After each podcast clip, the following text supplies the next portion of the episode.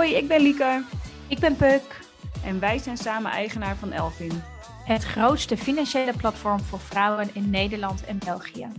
Meld je gratis aan en ontmoet duizenden andere vrouwen. Zie de link naar het platform in de show notes. Ook kun je ons volgen op social media en vind je op onze website dagelijks interessante content. Goede, nou, goeie, het is voor mij ochtend. Goedemorgen allemaal. Dit is weer de Elvin Podcast. Lieke hier, jullie favoriete podcast host, naast Puk natuurlijk. Ehm, en vandaag zit ik met Lynn Berger, schrijver en journalist. Zij heeft onder andere een boek geschreven over de zorg. Maar ik was vooral onder de indruk van het laatste boek dat ze heeft geschreven, namelijk Ik werk al, maar ik krijg er alleen niet voor betaald. Oeh, dat triggerde mij enorm. Uh, nou, welkom Lynn. Vertel eens iets over jezelf voordat we over je boek gaan praten. Ja, goedemorgen. Um, ik ben een journalist. Ik schrijf voor de correspondent. Uh, dat doe ik nu al tien jaar. En de afgelopen vier jaar schrijf ik over zorg. En dan in de breedste zin van het woord. Dus professionele zorg, maar ook wat we informele zorg noemen. Zorg voor kinderen, mantelzorg, zorg voor het huishouden. Um, dus daar hou ik me mee bezig uh, op mijn werk. En daarnaast heb ik zelf ook twee kinderen waar ik voor zorg. Um, dus uh, werk en privé lopen vaak op heel veel manieren door elkaar heen. En uh, hoe ben je zo in dit onderwerp gerold? Um, nou, het begon eigenlijk een aantal jaar geleden toen ik um, in het ziekenhuis terecht kwam. Precies op het moment dat daar een uh, staking werd voorbereid van het ziekenhuispersoneel voor een hoger loon. Dus ik, ik lag in het ziekenhuis met een infectie en ik werd daar verzorgd door allemaal mensen die, uh, zo las ik op de spandoeken aan de muren, niet genoeg betaald kregen om voor mij te zorgen. En toen dacht ik, uh, hoe kan het eigenlijk dat we als samenleving die professionele zorg kennelijk niet goed waarderen? En hangt dat misschien ook samen met een soort onderwaardering voor de niet-professionele zorg? De zorg die ik als moeder aan mijn kinderen geef, of die, uh, nou, die ik misschien als mantelzorger later ga geven. Dus dat waren eigenlijk de vragen die daar bij mij opkwamen. En uh, nou ja, de afgelopen vier jaar ben ik met niks anders bezig geweest dan antwoorden op die vragen.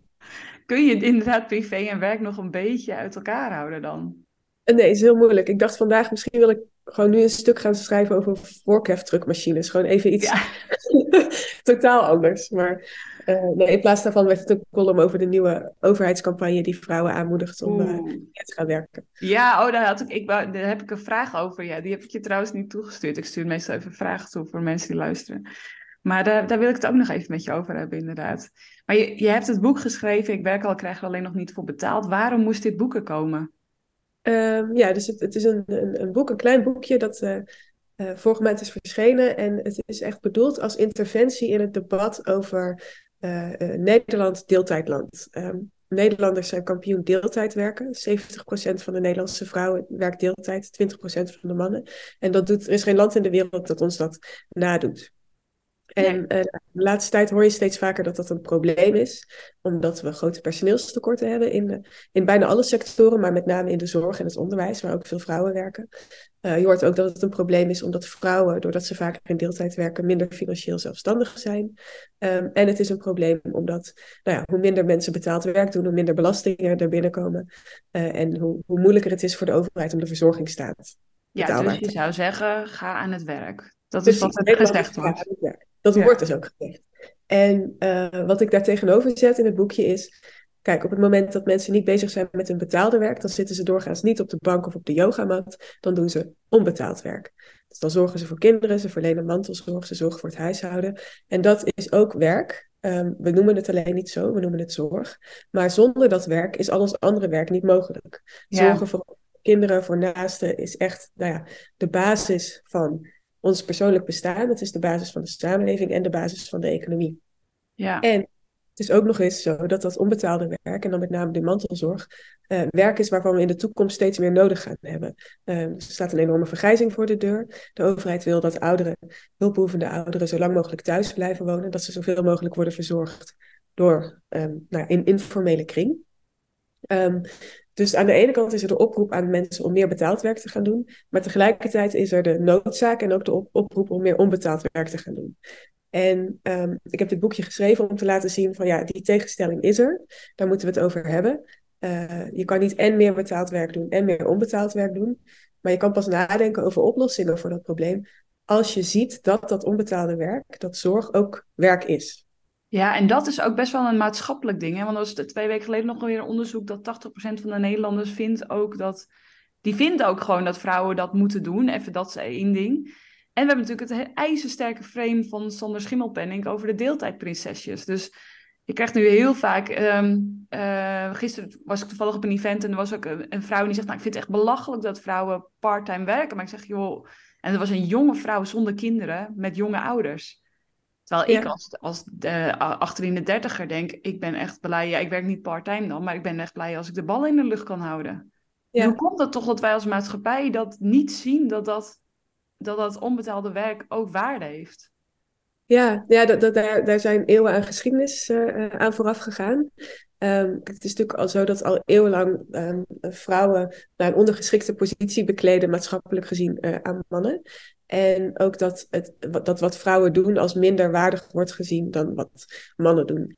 En uh, als het dan specifiek gaat over werk, dan is het zo dat tot aan de 17e eeuw uh, betekende werk alles wat je deed om in je levensonderhoud te voorzien.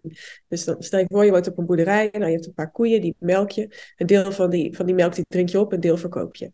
Je verstelt of maakt kleding, uh, een deel daarvan draag je zelf, een deel verkoop je. Dus sommige dingen deed je, eh, daar kreeg je geld voor, andere dingen kreeg je geen geld voor, maar het heette allemaal werk. Of het nou mannen waren die het deden of vrouwen. En dat begon te veranderen met, nou ja, eh, de verstedelijking, de opkomst van het kapitalisme, uh, de industriële revolutie, uh, begonnen werk en thuis van elkaar gescheiden te raken. En voortaan was werk iets wat je deed buitenshuis, bijvoorbeeld in een fabriek, en waar je geld voor kreeg. En dat wat binnenshuis gebeurde, en wat vooral vrouwen deden, dat noemden we niet meer werk, maar zorg. Want thuis werd een plek waar niet werd gewerkt. Die scheidslijn tussen privé en werk, die is eigenlijk toen ontstaan. En daar is ook een scheidslijn in ons denken gekomen, waarbij we dat wat thuis gebeurt niet meer zijn gaan zien als werk. En nou, vervolgens komt de economische wetenschap op. En waar gaan economen naar kijken? Die kijken naar geld. Dus die kijken naar betaald werk en zien dat als nou de, de basis van de economie. En die kijken niet naar wat er thuis gebeurt. Dus er zijn er allerlei historische ontwikkelingen geweest die ervoor hebben gezorgd dat we dat onbetaalde werk niet meer zijn gaan zien als werk. Ja, ja, en dat zorgt dus ook voor dat we het eigenlijk een soort van ja, frame dus in ons hoofd hebben dat het, dat het misschien wel minder kan of dat het niet nodig is of dat het luxe is om die onbetaalde zorg uh, te geven. Of dat je zegt, ja, er is kinderopvang, er is zorg voor ouderen, maar dat is dus eigenlijk ook niet zo. Want dat vond ik zo schokkend in dat boek. Dus als je erover nadenkt, ja, uh, dus als je niet thuis bent voor de kinderen aan het zorgen, dan zijn ze bijvoorbeeld bij de kinderopvang, maar daar zijn te weinig mensen. Voor uh, mijn ouders die richting de 70 en mijn schoonouders richting de 80 gaan, daar is geen zorg voor. Dus wij nee. rijden ze naar ziekenhuisafspraken, doktersafspraken en alles wat nodig is. Je denkt, ja, ja er, is, er is ook geen andere oplossing, hè? Je zit echt in een spagaat. Ja. Als samenleving. Nee, zeker. En het is natuurlijk, um, nou, heel lang is het zo geweest dat nou, vrouwen die verleenden met name dan die zorg thuis. En um, dat ging ook samen met het ontstaan van een hele sterke moederschapsideologie. En namelijk ook het geloof dat dat ook is wat vrouwen horen te doen. En dat ki uh, kinderen gebaat zijn bij uh, nou, voltijdzorg van hun moeder. En dat vrouwen vooral zijn gemaakt om, uh, om te zorgen. En mede om die reden werden vrouwen ook echt ontmoedigd heel lang om betaald werk te doen. Dus stel je was een jonge vrouw, je had een betaalde baan. Uh, tot halverwege de jaren 50 uh, werd je, als je voor de overheid werkte en ook voor veel andere bedrijven, werd je gewoon ontslagen op de dag dat je trouwde. Ja. Eervol ontslag. Want dan was het de bedoeling dat je voortaan thuis voor je man en je kinderen ging zorgen. Um, dus we hebben heel lang uh, niet alleen een idee over wat vrouwen horen te doen, maar ook echt nou ja, een heel systeem in stand gehouden waarin vrouwen echt werden aangemoedigd, nou ja, verplicht eigenlijk om met name onbetaald werk te, te verrichten. Maar dat is nog steeds zo, toch? Het is nog steeds wel dat in de sectoren waar veel vrouwen werken, is fulltime werken niet. Maar ook alles rondom schoolkinderen, ziekenhuis, alles is overdag. Ja, zeker. Nee, dus dat is. Dat was heel lang, nou was het gewoon echt zo van, ja, je hebt ja, het kostwinnersmodel, de man verdient geld, de vrouw mm. zorgt. Vanaf de jaren zeventig is daar wel verandering in gekomen, mede onder invloed van de tweede feministische golf, waarin feministen heel terecht zeiden, vrouwen kunnen meer dan zorgen uh, en hebben misschien ook wel behoefte aan een wereld die groter is dan het aanrecht. Um, maar ook onder invloed van een overheid die dacht, ja, vrouwen krijgen steeds minder kinderen, uh, dus we hebben straks, uh, eigenlijk zeg maar die personeelstekorten die we nu zien, die, dat zagen ze toen al wel een beetje aankomen. En goh, misschien zijn we ook wel een beetje dief van onze eigen portemonnee als we die vrouwen allemaal de hele dag thuis laten zitten. Dus vanaf de jaren 70 en 80 werden vrouwen wel aangemoedigd uh, om betaald werk te gaan doen. Dat is best wel een revolutionaire omslag geweest. Maar dan wel deeltijd. Want ze moesten wel ook nog voor de kinderen blijven zorgen. Hoeksteen van de samenleving, toch? Dat was altijd het slogan van het CDA. Ja, het gezin is de hoeksteen van de samenleving. En, uh, en de vrouw is uh, chef gezin. Dus dat was haar eerste taak. En dan mocht ze daarnaast een leuk deeltijdbaantje doen. En nou, mede daarom zijn dus in sectoren zoals de zorg en het onderwijs, waar vooral vrouwen werken, werd deeltijd gewoon de norm. Uh, het is best lastig om, uh, voltijd, om 40 uur te werken als uh, verpleegkundige of als thuiszorgmedewerker die diensten ja, zijn. vanwege de roosters, hè? omdat ze zeggen, ze willen eigenlijk flexibel roosteren. Ze willen mensen niet meer dan 6 uur per dag inroosteren. Dus ja. fulltime werken betekent 6, 7 dagen werken. Precies, en, en, en voor werkgevers is dat ook fijn, hè? want het is vaak, onderwijs, zorg is best wel zwaar werk. Um, dat houden mensen makkelijker vol als het, als het wat kortere diensten zijn. Of als het ja, op papier in elk geval uh, 28 uur is. En dan is het vaak in de praktijk nog wel meer. Um, maar dan houden, kunnen mensen het net wat makkelijker uh, volhouden. En het kost je niet zoveel. Uh, als nee, inderdaad. En ze zijn er toch elke dag. Dus, ja. Maar het is interessant, die moederschapsideologie die je ook zegt, die zorgt er ook denk ik voor dat vrouwen zelf vinden dat zij thuis moeten zijn voor de kinderen. Zeker, ja, dat, dat, dat internaliseer je natuurlijk. Als dat, dat zijn ook signalen die je je hele leven al van jongs af aan meekrijgt. Ik uh, kwam ook een onderzoek tegen waaruit blijkt dat meisjes in de tienerleeftijd besteden bijna twee keer zoveel tijd uh, per week aan helpen in het huishouden als jongens in de tienerleeftijd. Ja. Dus we, leren kind, we leren meisjes al dat ze horen te zorgen meer dan dat we dat aan jongens leren. En uh, ja, op het moment dat jij dan kinderen krijgt en en waarschijnlijk nou, minder verdient dan je partner, omdat die ouder is en uh, vaak in de sectoren werkt waar uh, de lonen ja, hoger liggen. Geen zorg en onderwijs. nee, precies. um, nou, dan, uh, ja, dan is de keuze van: oké, okay, ga, ik, ga ik mijn tijd besteden aan betaald werk of ga ik voor die baby zorgen? is dan vrij snel gemaakt in het voordeel van die baby, zeg maar, van die zorg. Ja, en dus ook gezinsinkomen. Dus ik, want ik spreek best wel veel mannen ook over dit uh, onderwerp. En die, die vinden het best wel lastig, dit onderwerp. Want ze zeggen, ja, uh, één, zij kiest er zelf voor om in te gaan werken. Van mij was ze meer gaan werken. Oké. Okay. En tweede is, ja, ik verdien dus veel meer. Dus op het moment dat zij uh, meer gaat werken en iets minder, dan gaat ons gezinsinkomen omlaag. En dat, dat ja. voelt, maar dat is misschien ook onderdeel van zeg maar, want je hebt de moederschapsideologie, maar ook de vaderschapsideologie. Dat dat daar een beetje bij hoort van loslaten van iets wat misschien niet standaard is of zo. Wat, wat is eigenlijk de vaderschapsideologie? Ja, nee, dus, dus de moederschapsideologie, daar is best veel over geschreven en onderzoek naar gedaan. Um, maar die heeft natuurlijk een tegenhanger en dat is de vaderschapsideologie. En dat is eigenlijk het idee van wat hoort een, een, een goede vader te doen en daarmee wat hoort een goede man te doen. En dat is al eeuwenlang de kost verdienen, je gezin onderhouden. En dat blijkt ook bijvoorbeeld uit onderzoeken dat uh, op het moment dat mensen gaan samenwonen, dan voelen mannen nog meer dan daarvoor de druk om genoeg geld te blijven verdienen. Terwijl bij vrouwen dat gevoel juist omlaag gaat. Ah. Um, dus wat ik, ook, wat ik ook in dit boekje heel erg nou ja, probeer duidelijk te maken is: het gaat mij niet om een strijd tussen mannen en vrouwen. Het gaat nee. er mij niet om dat de dingen nu oneerlijk zijn voor vrouwen. Voor mannen is zo'n kostwinnersdruk ook vervelend. Um, en de, de, de wens onder jonge vaders om betrokken te zijn bij de opvoeding van, van kinderen, die groeit al jaren. Maar in de praktijk blijkt het best wel lastig om daar gehoor aan te geven. Eén papadag, oké. Okay. Twee papadagen? Nou, uh, zo wil je geen carrière maken. Ga je oppassen. Ga je, ga je langs de zandbak zitten. Er zijn net zoveel van die onderhuidse speldenprikjes die vrouwen richting de zorg duwen, die duwen mannen richting uh, betaald werk. Nee, ik zeg ook altijd, wij hebben dus niet een traditioneel, um, in die zin, een moederschaps-vaderschapsideologie model. Want wij hebben altijd allebei fulltime gewerkt. Of allebei vier dagen. Uh, afhankelijk van hoe oud de kinderen zijn natuurlijk. Maar mijn man kreeg dus net zoveel gedoe in die zin van zijn vrienden. Van je gaat toch niet achter een kinderwagen lopen. En oh, moet je nu ook de was doen? Of dat zijn collega's, ja, ik haal dit voorbeeld heel vaak aan. Maar die hebben ook een keer tegen hem gezegd. Je moet gewoon de was verpesten. Dan doet ze het wel voor je. Wow. En toen dacht ik, wat? En ik zei, nou, ik ga echt niks doen. Maar ook vrouwen die tegen mijn man dan zeiden. Wat ben je toch een leuke vader? En dan kwam hij weer helemaal trots thuis. En dan zei ik echt, nou, ik ben een superleuke moeder. Ik sta ook op het schoolplein, weet je wel. Maar net zo vaak als dat hij is. Dus hij, ik vond eigenlijk gewoon wel stoer dat hij dacht: ik ga me hier niet aan conformeren. Ik doe wat ik wil. Ik wil bij mijn kinderen zijn. En, uh, maar ik zei wel tegen jou in het begingesprek: ik merk bij hem wel meer dat idee van: ik moet stabiliteit verzorgen in dit gezin. En ik ben per definitie instabiel omdat ik alle ondernemende dingen doe. hoe is dat Ja. bij jou thuis dan? Hoe heb jij dat ervaren? Ja, nee, dus wij hebben ook, ik denk, een beetje een gelijke verdeling als jullie. Dus wij werken allebei min of meer fulltime en dat proppen we dan een beetje in vier en een halve, vier dagen. Ehm, maar ik heb wel, ja, ik verdien sowieso met, en dat ligt ook aan het, de sector waarin ik werk, geschreven journalistiek. Eh, ik, er is bij ons thuis ook een loonkloof. ik verdien gewoon minder. En ik merk dat ik daardoor toch ehm, iets meer vrijheid misschien soms ervaar in nadenken over andere mogelijke manieren van werken dan Ja. hij. Dat hij toch wel echt het gevoel heeft van ja, maar ik moet wel die brood op de plank. Het is zo ouderwets, maar dat hij toch ergens die druk wel voelt, dat dat zijn verantwoordelijkheid is. En ik vind dat, eh, nou, ik vind dat wel ook wel eigenlijk sneu voor hem. Ja, nou, het- als je op een gegeven moment ziet hoe het anders kan. Dus ik ben al een paar jaar aan het ondernemen, dus ik kan iets verzinnen en daar geld mee verdienen. En dat vind ik het leukste om te doen. En ik merk bij hem, hij is dus, hij werkt fulltime, maar hij vindt zijn werk heel erg leuk.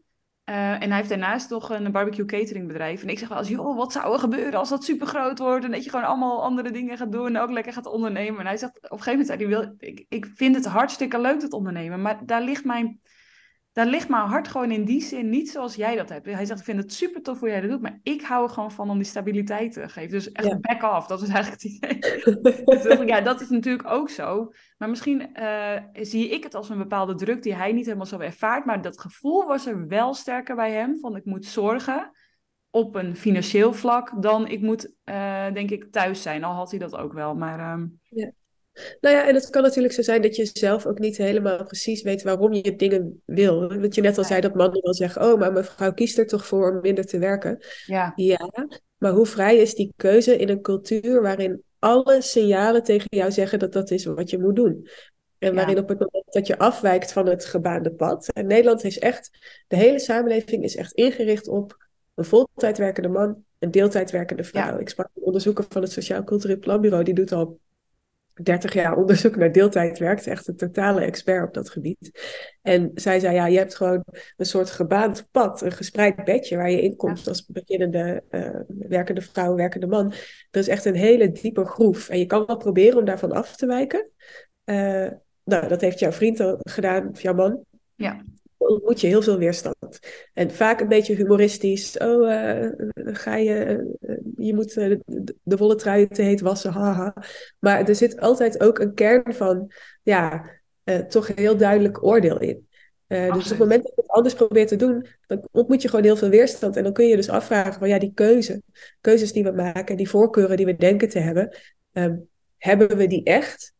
Of hebben we die omdat dat nou eenmaal is wat wordt verwacht in de samenleving? Ja, dat laatste. Want ik heb, ik heb laatst nog een stuk over geschreven. Ik zeg van het is niet zo makkelijk als vrouwen gewoon meer gaan werken. Want je moet heel veel drempels over. Ten eerste moet je met je partner, want je partner zegt ja prima joh, als jij lekker meer gaat werken. Maar dan moet hij natuurlijk ook meer, of zij, meer eh, zorgtaken oppakken. En Ja. dat gebeurt niet automatisch. Nee, Ja, nee en dat zie je ook eh, in de statistieken. Hè? Want sinds de jaren tachtig dat, dat vrouwen werden aangemoedigd om betaald werk te gaan doen, zijn vrouwen ook echt heel veel meer tijd gaan besteden aan betaald werk. Eh, mannen zijn een beetje meer tijd gaan besteden aan zorg, maar echt bij lange na niet genoeg om dat te compenseren. Nee, nee, en ik Eh. merk ook, want je hebt dan die eh, first shift, second shift, third shift. En die third shift is dat er in je, huis, in je hoofd alles rondom het huishouden zit. Ja, dan dat blijft ook, dat is ook niet zomaar opgelost als de man zegt, nou, eh, wat moet ik nu weer doen in huis? En dan moet jij het voor hem gaan verzinnen. Dus Ja, dan blijf je nog steeds, zeg maar, de manager van het huishouden, ook al pakt Ja. hij wel meer taken op.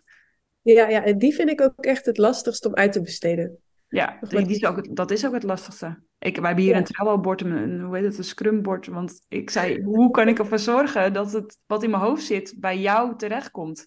Ja, ja, en niet alleen bij jou terechtkomt, maar dat het misschien daarna ook gewoon altijd in jouw hoofd gaat zitten in plaats van bij Ja, ja, dat is het, want je moet het nog steeds verzinnen. Maar, ehm, en ergens ook wel blij dat ik het niet alleen hoef te doen. Maar ik zeg wel, dit is, zeg maar, ik word wakker en ik denk na over, eh, nou, volgende week hebben we een partijtje. We hebben sportdag, dan moet dat geregeld worden. Oh, de gymschoenen zijn te klein. Oh ja, mijn schoonmoeder moet naar een afspraak. Mijn moeder heeft gevraagd of ik dat wil halen.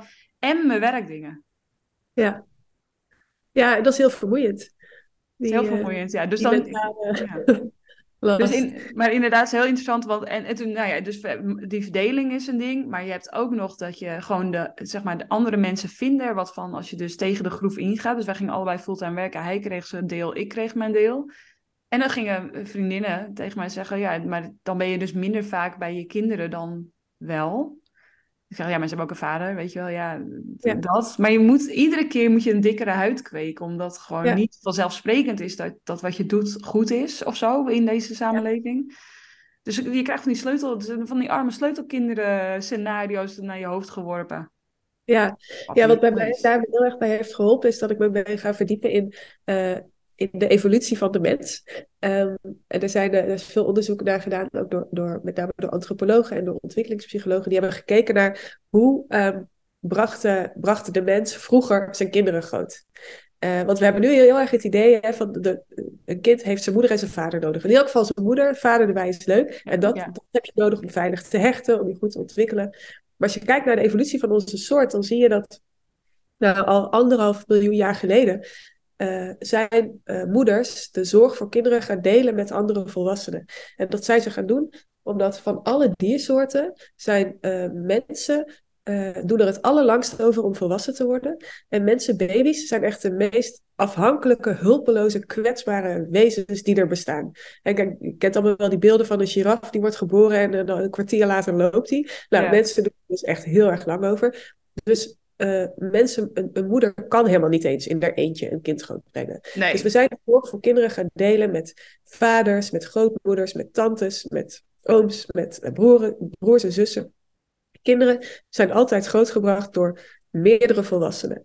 En eh, nou, dat heet gedeelde broedzorg in, in vaktermen. En dat is fijn voor die, voor die moeders, want die hoeven het dan niet in hun eentje te doen. Maar het is ook heel goed voor kinderen, omdat die echt gebaat zijn bij meerdere rolmodellen, bij verschillende soorten relaties met volwassenen. Ja, Een, super een, interessant. een, een grootouder brengt iets heel anders voor een Ja. kind dan een moeder. Een fijne eh, pedagogisch medewerker op de crash brengt een kind iets heel anders dan een vader. En je hebt, onze breinen zijn echt gemaakt voor die variatie als we klein zijn. Daar gaan we heel goed op. Dus voor mij is dat wel echt, daar hou ik me echt aan vast op het moment dat mensen zeggen, oh nou, dan zie je ze niet zo vaak. Ik denk, nee, dat hoeft ook niet.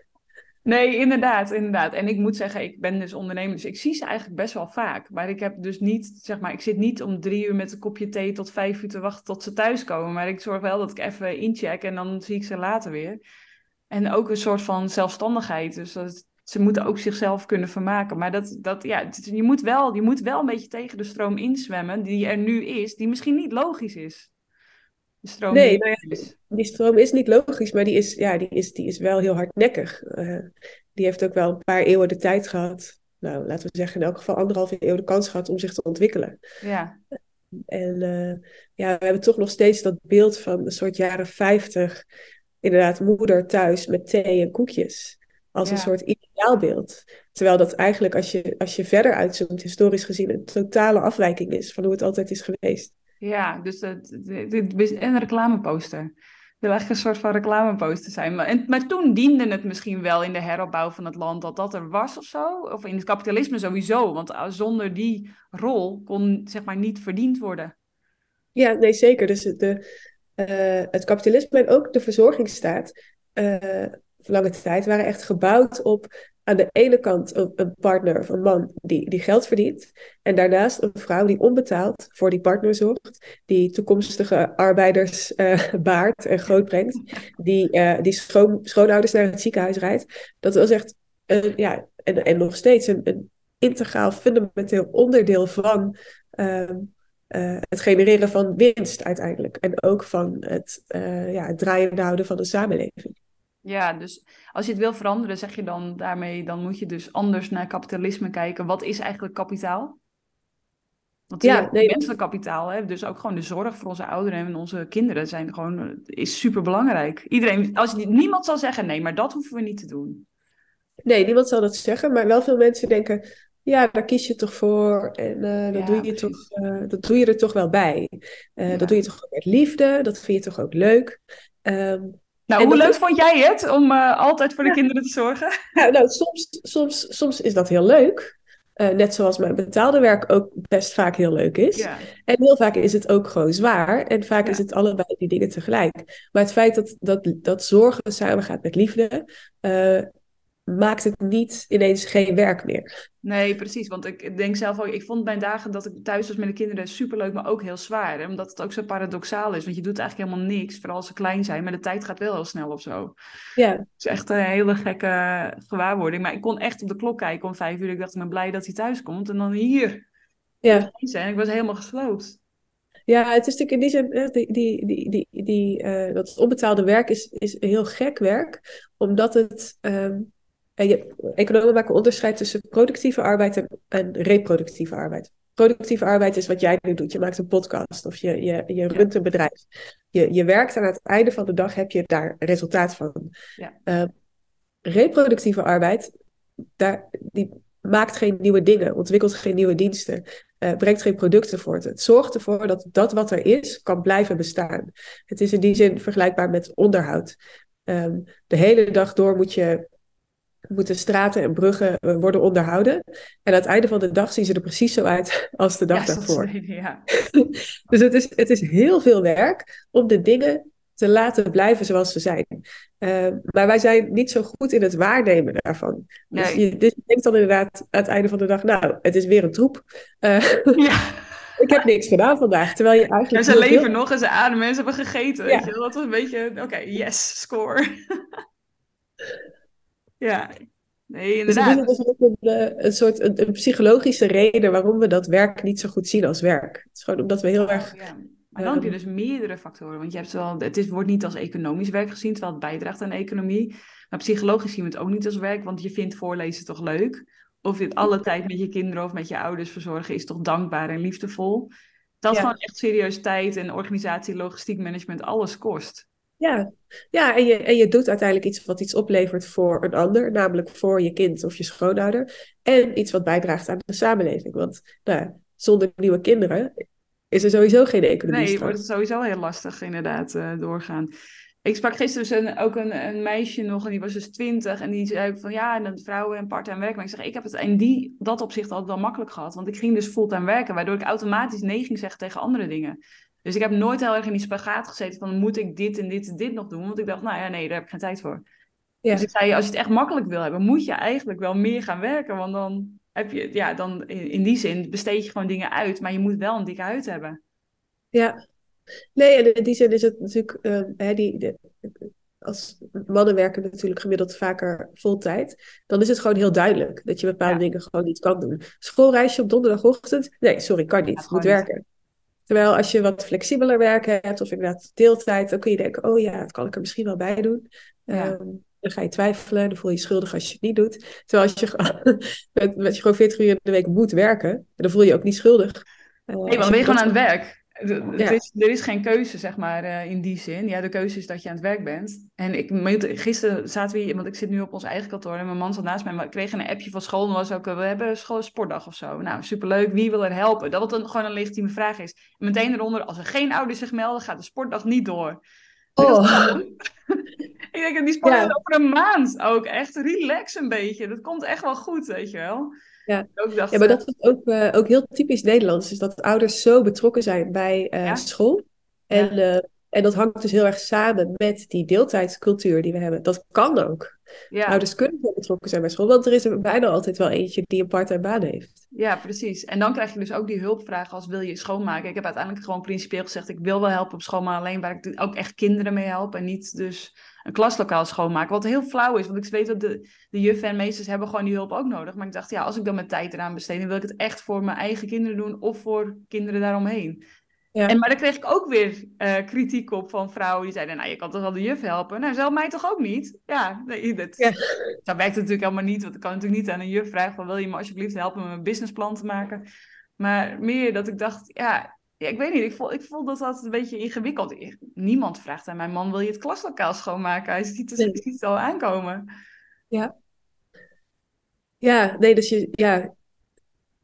Dan denk ik dus ook bijvoorbeeld, hè, er is dus nu zo'n campagne, nou, daar hadden we het aan het begin even over, een campagne gelanceerd door het ministerie van Sociale Zaken en Werkgelegenheid, die vrouwen oproept om na te denken over eventueel wat meer werken. Ze hebben het heel voorzichtig Ja, geformuleerd hoor. Zou je het misschien leuk vinden? Heel misschien...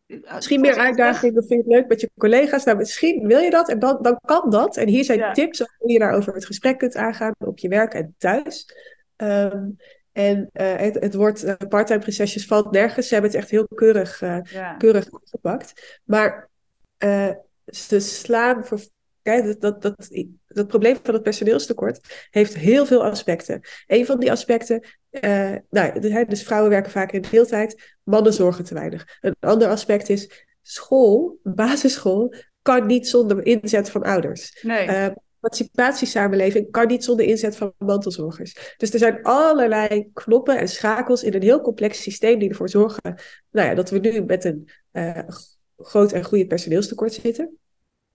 Um, maar zo'n campagne richt zich dan maar op één onderdeeltje daarvan. Ja, precies. Welk onderdeeltje? De vrouwen die... Uh, en wat zegt toch, altijd? Ja, die, die altijd zich moeten aanpassen. Ja, dus het is altijd, ja, want ik, uh, ik had hem ook opgeschreven, want dan kom je ook in die spagaat over financiële onafhankelijkheid. Op het moment dat je, uh, want wij, daar hebben wij natuurlijk veel over bij Elvin, dus hoe kun je goed voor jezelf zorgen? Maar je merkt ook al heel snel dat er, uh, dat er dus die andere salaris, andere sectoren, andere verdeling werk en onbetaald werk het is niet altijd de oplossing om dus meer te gaan werken. Terwijl je dat in je portemonnee wel direct voelt. Niet altijd overigens, want het loont niet altijd om meer te werken. Dus als je als vrouw dus, uh, je zit echt in een soort van spagaat. Dus eigenlijk wil je je financiële onafhankelijkheid behouden. Maar je hebt ook gewoon die zorgtaken waarvoor je moet zorgen. Misschien heb je ook een partner die er helemaal niet op zit te wachten of ook niet bijspringt. En dan heb je een samenleving die zegt, waarom zou je dat in godsnaam doen? Dat staat nergens op. En een overheid die, waar het niet loont als je meer gaat werken. Dus hoe kun je als vrouw... Je bent gewoon echt een sjaak. Ja, je bent sowieso de sjaak als vrouw. nou, misschien niet de sjaak, maar de Jeanette. ja, de Jeanette. Je bent echt de Jeanette. Ja. Nee, dat, dat is... Ja, en, en, het, en, het, en, en dat komt dus omdat, omdat heel veel complexe maatschappelijke, structurele, systematische problemen worden teruggelegd op het bordje van de vrouw. Waardoor je echt conflicterende verwachtingen, eisen en, uh, en belangen krijgt. En kijk, ik denk gewoon zo'n campagne van de overheid. Uh, prima, maar doe er dan vijf campagnes naast. Eentje die niet zegt, wil je meer werken, laat het merken en zich op vrouwen recht, uh, richt, maar die zegt, wil je meer zorgen, wacht niet tot morgen en zich op mannen richt. Uh, eentje die zich op werkgevers richt om het uh, partnerverlof uit te breiden, het zorgverlof aan te vullen. En eentje die, die kijkt naar, oké, hoe kunnen we kinderopvang en onderwijs beter integreren, uh, zodat er altijd genoeg plek is voor kinderen op de opvang en de schooldagen langer zijn. Gewoon dat hele gehannes met voorschoolse opvang, naschoolse opvang. Het is zo, uh, uh, ja, het is zo'n drempel ook voor ouders eigenlijk om dat te doen, nog los van dat er, dat er niet genoeg personeel is. Um, het zorgt dat mantelzorgers, mensen die echt een intensieve mantelzorgtaak hebben, toch pensioen kunnen opbouwen. Weet je wel, er zijn zoveel knoppen waar je aan kan draaien. Ja, zeker laat dat dan allemaal zien. En ik snap wel, het is best wel. Uh, het is gewoon heel makkelijk om het te reduceren tot één uh, op het oog vrij gemakkelijk ding. Namelijk vrouwen met een kleine deeltijdbaan. Misschien wil je een iets grotere deeltijdbaan. Um, maar het doet de werkelijkheid zo geen recht. En het houdt toch dat idee in stand dat vrouwen iets niet goed doen.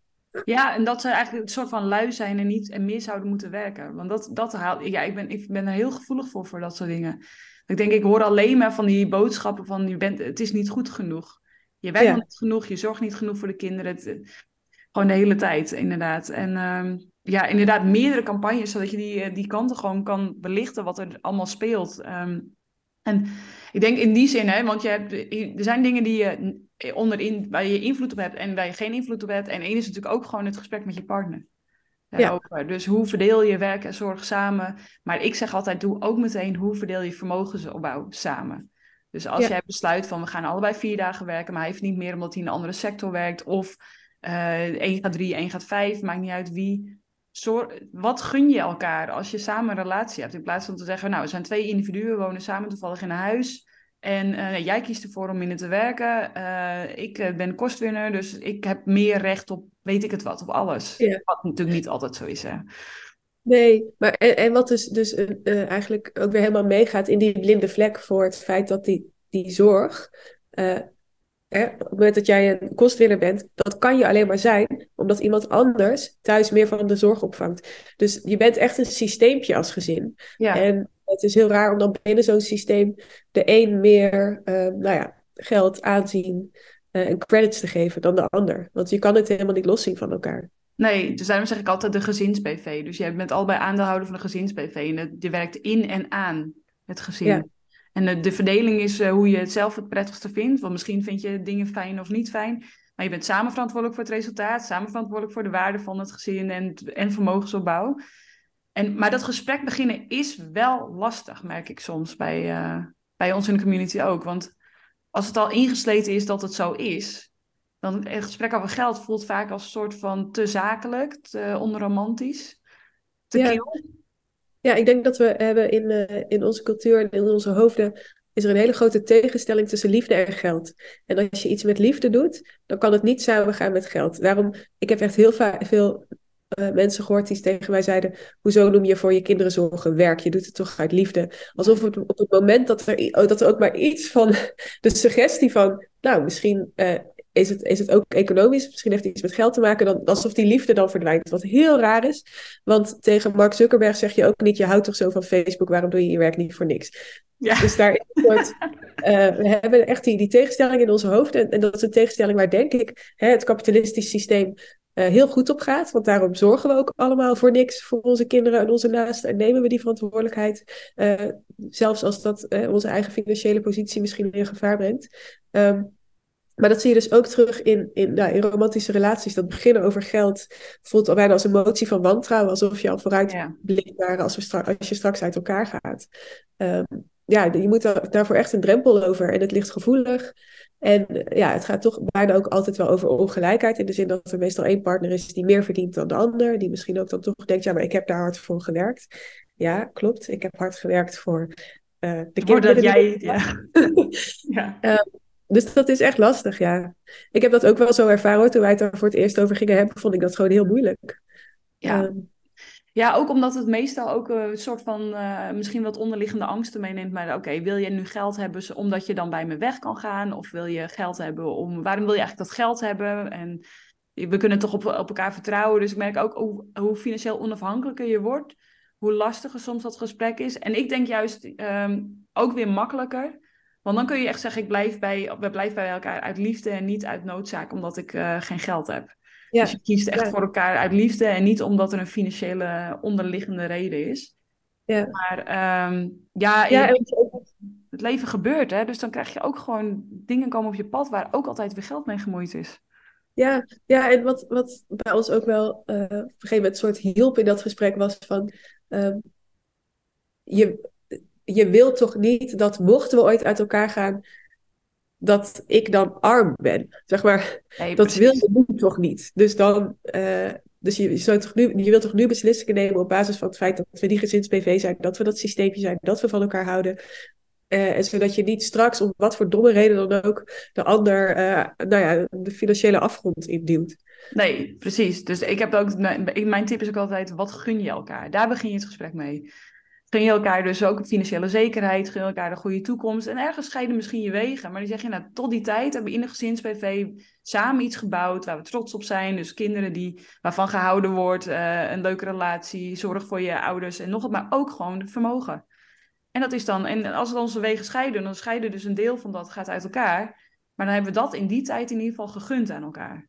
Ja. Ik denk dat dat, uh, ik vond dat een heel, en dat maakt het ook makkelijker. Dus, en, en ik moet ook zeggen, sinds wij tegen elkaar zeggen, het is een gezins-BV, dan zeggen, oké, okay, jij als aandeelhouder, is dit nodig voor ons gezins-BV? Heel ander gesprek dan, ja. ga je de was doen?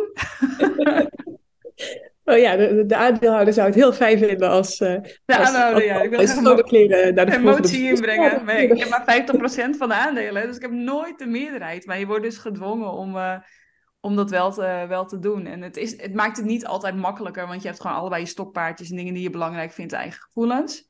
Maar ik denk het, niet, het gesprek niet aangaan en er dan achter komen dat, het misschien niet, dat je het niet fijn vindt hoe het geregeld is. Dat is nog lastiger.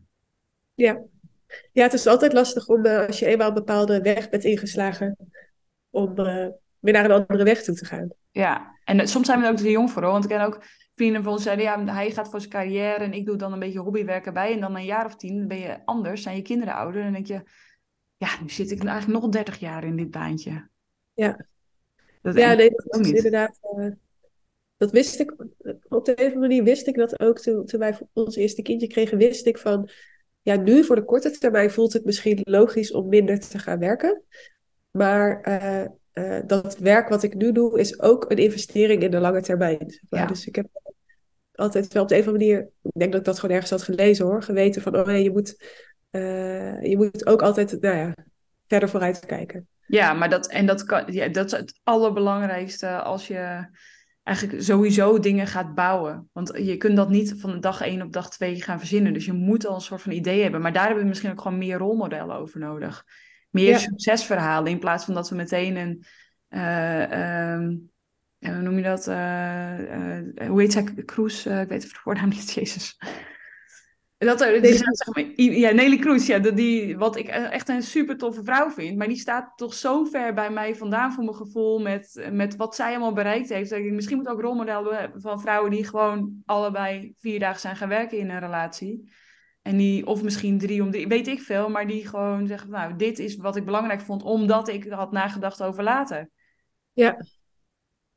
Ja, deze rolmodellen. En het is natuurlijk ook, uh, Kijk, wij, wij, kunnen, wij hebben de luxe om hierover na te denken, omdat uh, hè, je, je, hebt ook, heb je een bepaald opleidingsniveau, bepaalde privileges, dan kun je hier ook plannen voor maken en kun je nadenken over de lange termijn. Uh, maar ook wel een van de redenen waarom ik dit boekje heb geschreven, is ook wel omdat er natuurlijk een hele grote groepen mensen zijn, ook vrouwen, denk aan alleenstaande moeders of, of lager opgeleide vrouwen, die gaan geen vermogen opbouwen. Nee. Uh, die zijn dan lang blij als ze de huur kunnen betalen. Uh, en als ze dan ook nog eens uh, en voor hun kinderen kunnen zorgen en misschien voor hun zieke ouders. En als ze dan ook nog eens van de overheid te horen krijgen, joh, maar zou je dit een uur per week? Dan ja. En een klap in je gezicht. Ja. Ja, inderdaad, dat is ook zo. Maar je hebt wel in je boek nu, eh, zeg maar, vijf dingen beschreven waarvan je zegt, dit zou kunnen helpen. Wil je ze kort beschrijven? En als je het dan, ja. voor de mensen die luisteren die willen meer weten, lees het boek. Ja, lees het boek. Het is, uh, het is niet heel dik, dus je hebt het... Uh, nee, ik had in de auto, heb ik het geluisterd op Internationale Vrouwendag, waar ze twee uur mee bezig. Kijk. um, nee, dus het, dus het boek gaat inderdaad over de, de, de strijd tussen betaald en onbetaald werk en over de vraag hoe we de combinatie en de verdeling daarvan zo goed mogelijk kunnen regelen. En er zijn een aantal nou, vrij praktische dingen die we in elk geval kunnen doen. Nog even los van hè, het kapitalistische systeem ontmantelen, het patriarchaat ontmantelen, al dat soort dingen. Het duurt even langer dan een boek. Ja. Precies. Um, maar wat kunnen we nu doen? Uh, en dan is het aan de ene kant is wat de overheid kan doen, is het uh, verlof voor jonge ouders uitbreiden. Uh, en dan met name het verlof voor vaders. Dat is nu veel korter dan dat voor moeders. Dat zou je gelijk moeten trekken. En ook naar 100% uh, salarisvergoeding. Zodat je ehm, eigenlijk vanaf het begin die zorgtaken allebei op kan pakken. In plaats van dat één iemand dus... Ja. Ja, want zorg is echt uh, net als uh, bijna alles andere wat we doen. Hoe meer je het doet, hoe beter je erin wordt. Dus je wil echt eigenlijk vaders vanaf het begin de kans geven om te oefenen in zorgen. Ja, en nogmaals, even voor de, dit is dus niet biologisch, en dat zeg je ook in je boek, dat vrouwen per se de, de primaire zorgverlener moeten zijn voor kinderen. Nee, nee echt iedereen heeft de, de, de, de neurologische en hormonale aanleg die, eh, die jou goed maakt in zorgen. Het enige wat je moet doen is het, is het doen. Je moet het, je moet en activeren, je moet eigenlijk een soort van activeren, ja. Ja, Dus, uh, nou, dus verlof voor, voor vaders en moeders gelijk trekken. Uh, een ander belangrijk ding wat moet gebeuren is dat, en daar wordt aan gewerkt, maar dat gaat nog niet helemaal goed, uh, kinderopvang, net zoals school, echt een universele basisvoorziening wordt, gewoon een nutsvoorziening, dat het doodnormaal wordt om je kind naar de opvang te brengen waar het gewoon de best mogelijke zorg krijgt. Ja. En dan niet alleen uh, als een soort opvang voor werkende ouders, maar gewoon als een dienst, als een collectieve zorg voor kinderen. Ja, dus andersom beredeneerd, omdat het beter is voor kinderen als zij. Want dat schreef jij ook in je boek, vond ik ook super interessant. Je zegt dat sommige kinderen die dus thuis niet al die cognitieve vaardigheden kunnen leren, zijn zo gebaat bij professionele zorg al vanaf jonge leeftijd. Ja, ja, het is echt een, uh, geweldige gelijkmaker. Uh, een manier om kansengelijkheid te bevorderen is gewoon alle kinderen naar een hele goede opvang laten gaan. En dan maak je het tegelijkertijd dus makkelijker voor ouders om uh, nou, een deel van hun onbetaalde werk uit te besteden en daardoor ook het betaalde werk te doen waarvan de overheid zo graag wil dat we het gaan doen. Ja, precies, ja. Dus dat is twee. Het derde is uh, het verlof voor mantelzorgers.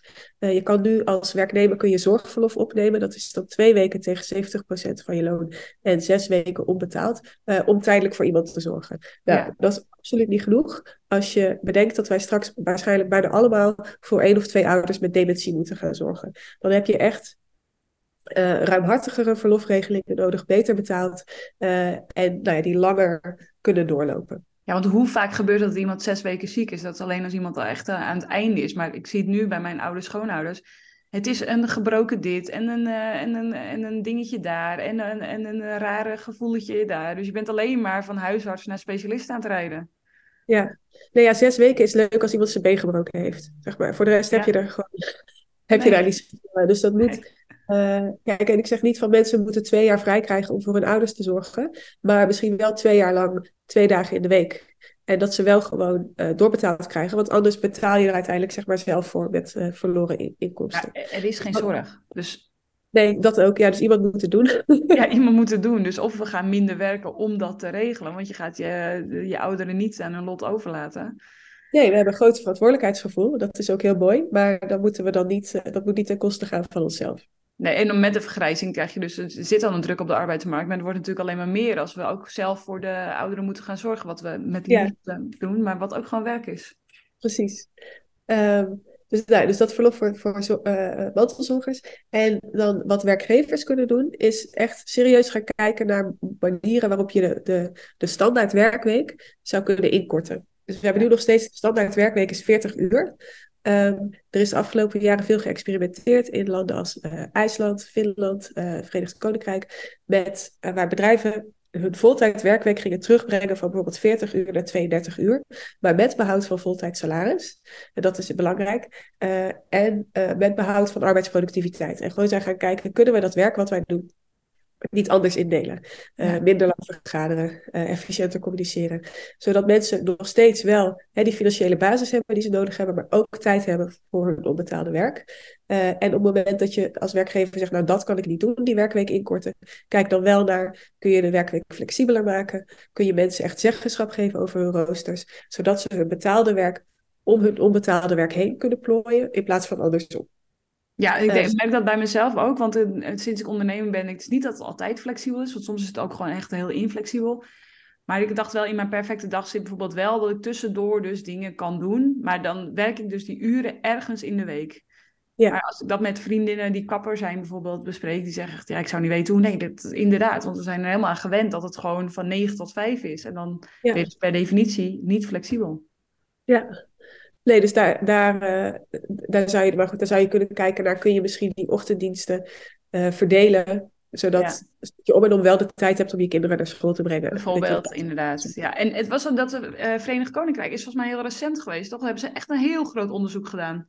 Ja, daar hebben ze echt ruim 60 bedrijven, het in totaal iets van 3000 werknemers, die een jaar lang ehm, nou ja, die, die werkweek zijn gaan inkorten op verschillende manieren. Dus of een dag eraf, of, of alle dagen. Minder uur per dag. Ja. Ja, en echt met groot succes. Maar goed, is de vraag natuurlijk, blijft dat succes bestaan op het moment dat het oog van de onderzoeker wegvalt? Eh, het is ook wel een bekend fenomeen dat, nou ja, iedereen wil natuurlijk graag dat dat werkt, dus mensen gaan goed hun best doen. Eh, mensen, werknemers zijn dan ook blij dat ze meer tijd hebben voor andere dingen. Maar goed, op een gegeven moment wordt dat normaal, eh, zakt dan die Ja. arbeidsproductiviteit terug. Dus je moet het echt wel langer volgen. Maar dat lijkt me een, gewoon een heel goed onderzoeksgebied om ook in Nederland op te pakken. Ja, zeker weten, ja. En, eh, maar de, inderdaad. En ik denk wel ook, dat, dat schreef volgens mij ook in je boek, er zijn ook gewoon meer mensen nu bezig met, het, eh, ook jonge mensen die op de arbeidsmarkt komen met privé-werkbalans. Omdat ze zeggen, ja, ehm, is dit wel wat ik wil? Ja, nee, er is wel een groeiend eh, besef dat, dat, dat werk niet je leven is, niet zou moeten zijn. Dat het, het kapitalisme en de prestatiemaatschappij ons eerder uithollen dan, dan dat ze ons vleugels geven. Ehm, en, en, en de tijd waarin een soort ideale werknemer iemand was die gewoon 40 of misschien wel meer uur per week beschikbaar was voor de baas, omdat er thuis iemand anders was die alle, alle andere Ja. dingen daar nog doet, die is voorbij. En dat moeten werkgevers ook echt gaan, gaan inzien. Ja, het duurt wel even misschien, maar Ja, dat deed uit. We hebben tijd. Of we hebben we- tijd. Ik Nou, ben we nog maar zijn geduldig 38, ik moet nog 30 jaar werken, dus kom erop. Nee, het is wel grappig, inderdaad, werk is niet je leven, maar ik zie bijvoorbeeld elfen wel als een soort van levenswerk. Ja, nou, dat snap ik. Ja. Ja. Ehm, echt goed, je bent ook je eigen baas. Het scheelt. Dat scheelt enorm, ja. Maar ik zei, Ja. want ik altijd een discussie over. Ik zeg dus altijd tegen mijn vriendin: je moet altijd zeggen dat je fulltime werkt. En als mensen dan doorvragen, zeg ik ja, nee, onbetaald en betaald werk. Ja. Dus nooit zeggen van nee, ik werk maar drie dagen, maar gewoon zeggen nee, ik werk fulltime. En als iemand doorvraagt, dan zeg je ja, nee, een deel doe ik onbetaald en een deel betaald.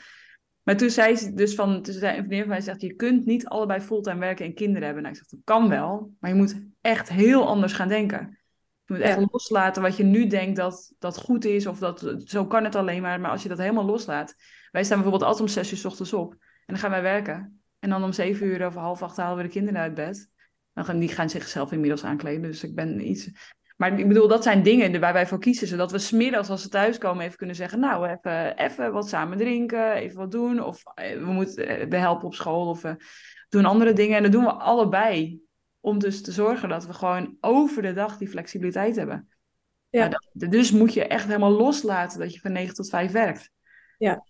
Ja. En, Ja, en dat en- heeft voordelen en soms ook nadelen. Want dan zit je s'avonds dus nog eh, achter je laptop... terwijl je misschien liever gewoon eh, seizoen 4 van Succession zou kijken. Maar dat, eh, Ja, dat klopt inderdaad. Maar ik dacht, dan had ik geen ondernemer moeten worden. Want, dan, dan- Nee. want dat is nooit af. Net als dat je altijd... Er is altijd, net als huishouden. Maar ik had laatst bij een ondernemer. Ik werk nog maar 10 uur per week. En ik luisterde naar en ergens vond ik het heel inspirerend. Maar toen dacht ik echt, oh fuck, dan moet ik huishoudelijke dingen gaan doen als ik 10 uur per week zou werken. Dus ik kreeg een soort van een halve paniekaanval. Ik dacht, als ik 10 uur per week zou werken, dan zou ik nog een bedrijf ernaast zetten waar ik ook maar 10 uur per week hoef te werken. En nog één. maar dat is mijn valkuil, inderdaad. ja, ja, de week volmaken. Gewoon de week Ja. volmaken met werk, zodat ik geen huishoudelijke dingen hoef te doen. Dat is eigenlijk dat is Ja. mijn hele reason to Ja, doe live. in het leven. Ja. Ehm, Ja, weet je wat je moet? Je moet, eh, je moet je wollen truien te heet wassen. En dan hoef je de Ja. was nooit. Ja, ik vond het echt wel erg. En laatst was hij ook zo overhemd aan het strijken. Toen kwam ook een vriend binnen en die zei echt, eh, strijk jij je eigen overhemd? Ik zeg, wat dacht je? Dat doe ik echt niet hoor. Als hij overhemden aan wil, dan... Ja, Maar goed, het is oké. Het, eh, het is wat het is. Maar nee, Ja. super bedankt Lin. Ik ben weer helemaal geïnspireerd en on fire. Ehm, dus mensen die het boek willen lezen. Ik ga nog één keer de titel goed opnoemen. Ik werk al, maar ik krijg er alleen niet voor betaald. En mensen die me- eh Elfin member zijn, die hebben sowieso het boek al op hun Nextory account staan, want daar hebben we een samenwerking mee. Dus die kunnen hem luisteren. Maar verder, hij is in de winkels te koop, denk ik, Lin. ja hij ligt overal. Hij ligt Hij is, overal. eh, 15 euro, dat is een zacht prijsje tegenwoordig. eh, Ja. dus, eh, Ja. Voor eh, zeg maar vrijheid eh, in denken over werk en onbetaald werk. En om het goede, de discussie goed te begrijpen waarom het soms zo oncomfortabel voelt als de overheid tegen je zegt dat je meer moet gaan werken. Ik denk dat dat ook, je hebt echt handvatten soms nodig om te begrijpen waarom het niet goed voelt. Ehm dankjewel Lin voor dit mooie gesprek en eh, ik hoop nog wat van je te lezen. Dus wat is je volgende topic? Nou, ik ben nu aan het inlezen op het gebied van preventie. Eh, het, eh, het voorkomen van ziekte, het voorkomen van eh, mentale problemen. En wat, wat daarin wel en niet werkt en wat de gevaren en valkuilen zijn en de voordelen. Dus dat, Oh ja, dat is de komende tijd mijn obsessie. Ja, en je bent dan nu ook een stuk aan het schrijven over de campagne van de overheid. Dus en waar kunnen we die En, lezen? ja, een column en die staat sinds vandaag online op de correspondent.nl. Ja. dus daar kan, kan iedereen Ja, lezen. Nou, mocht je nog eh, ergens eh, tijd hebben om over female en finance en waarom vrouwen geen doelgroep zijn, dan houd ik ons aanbevolen natuurlijk. Hey, dankjewel. Jij ook. Wil je ook slimme dingen doen met je geld en koersen richting financiële onafhankelijkheid? Sluit je aan bij Elvin. Duizenden vrouwen gingen jou voor en leerden inzicht krijgen en beleggen, gingen aan de slag met hun pensioen en wisten eindelijk die salarisverhoging te onderhandelen. Ga naar www.thisiselvin.com en meld je aan bij onze gratis community.